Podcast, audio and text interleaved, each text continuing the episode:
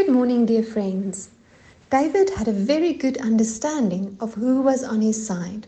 From experience, he has seen how God has helped him to attack and defeat both a lion and a bear. The giant was nothing more than another opportunity for God to demonstrate his glory. No wonder God says that he didn't give us a spirit of fear, but rather he gave us a spirit of power. David, as a young shepherd boy, had to depend on God's power rather than on his own.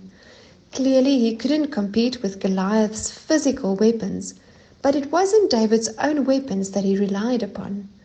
He was also very outspoken about God and God's power, so much so that his own brother wanted to reprimand him and called him arrogant. But the difference was that David didn't boast about his own power, he boasted about God's almighty power, and God didn't disappoint him. Sometimes we are too careful to speak up, up, about our trust in God. Perhaps it is because we forget too soon how He has helped us in the past to beat our enemies. But if you know in whose service you are, you don't have to watch out or be scared. David understood that the Almighty God was on his side, just like He is on yours.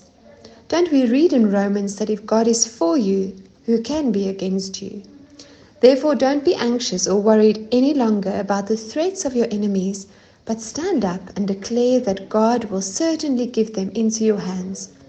Know that God is for you, and when you rely on His strength, most certainly He will give you the victory. Don't allow your mask any longer to keep you silent, but declare your victory by the power of God and see how He knocks out your enemy. He might even cut off his head. I pray this for you in the name of Jesus. Amen.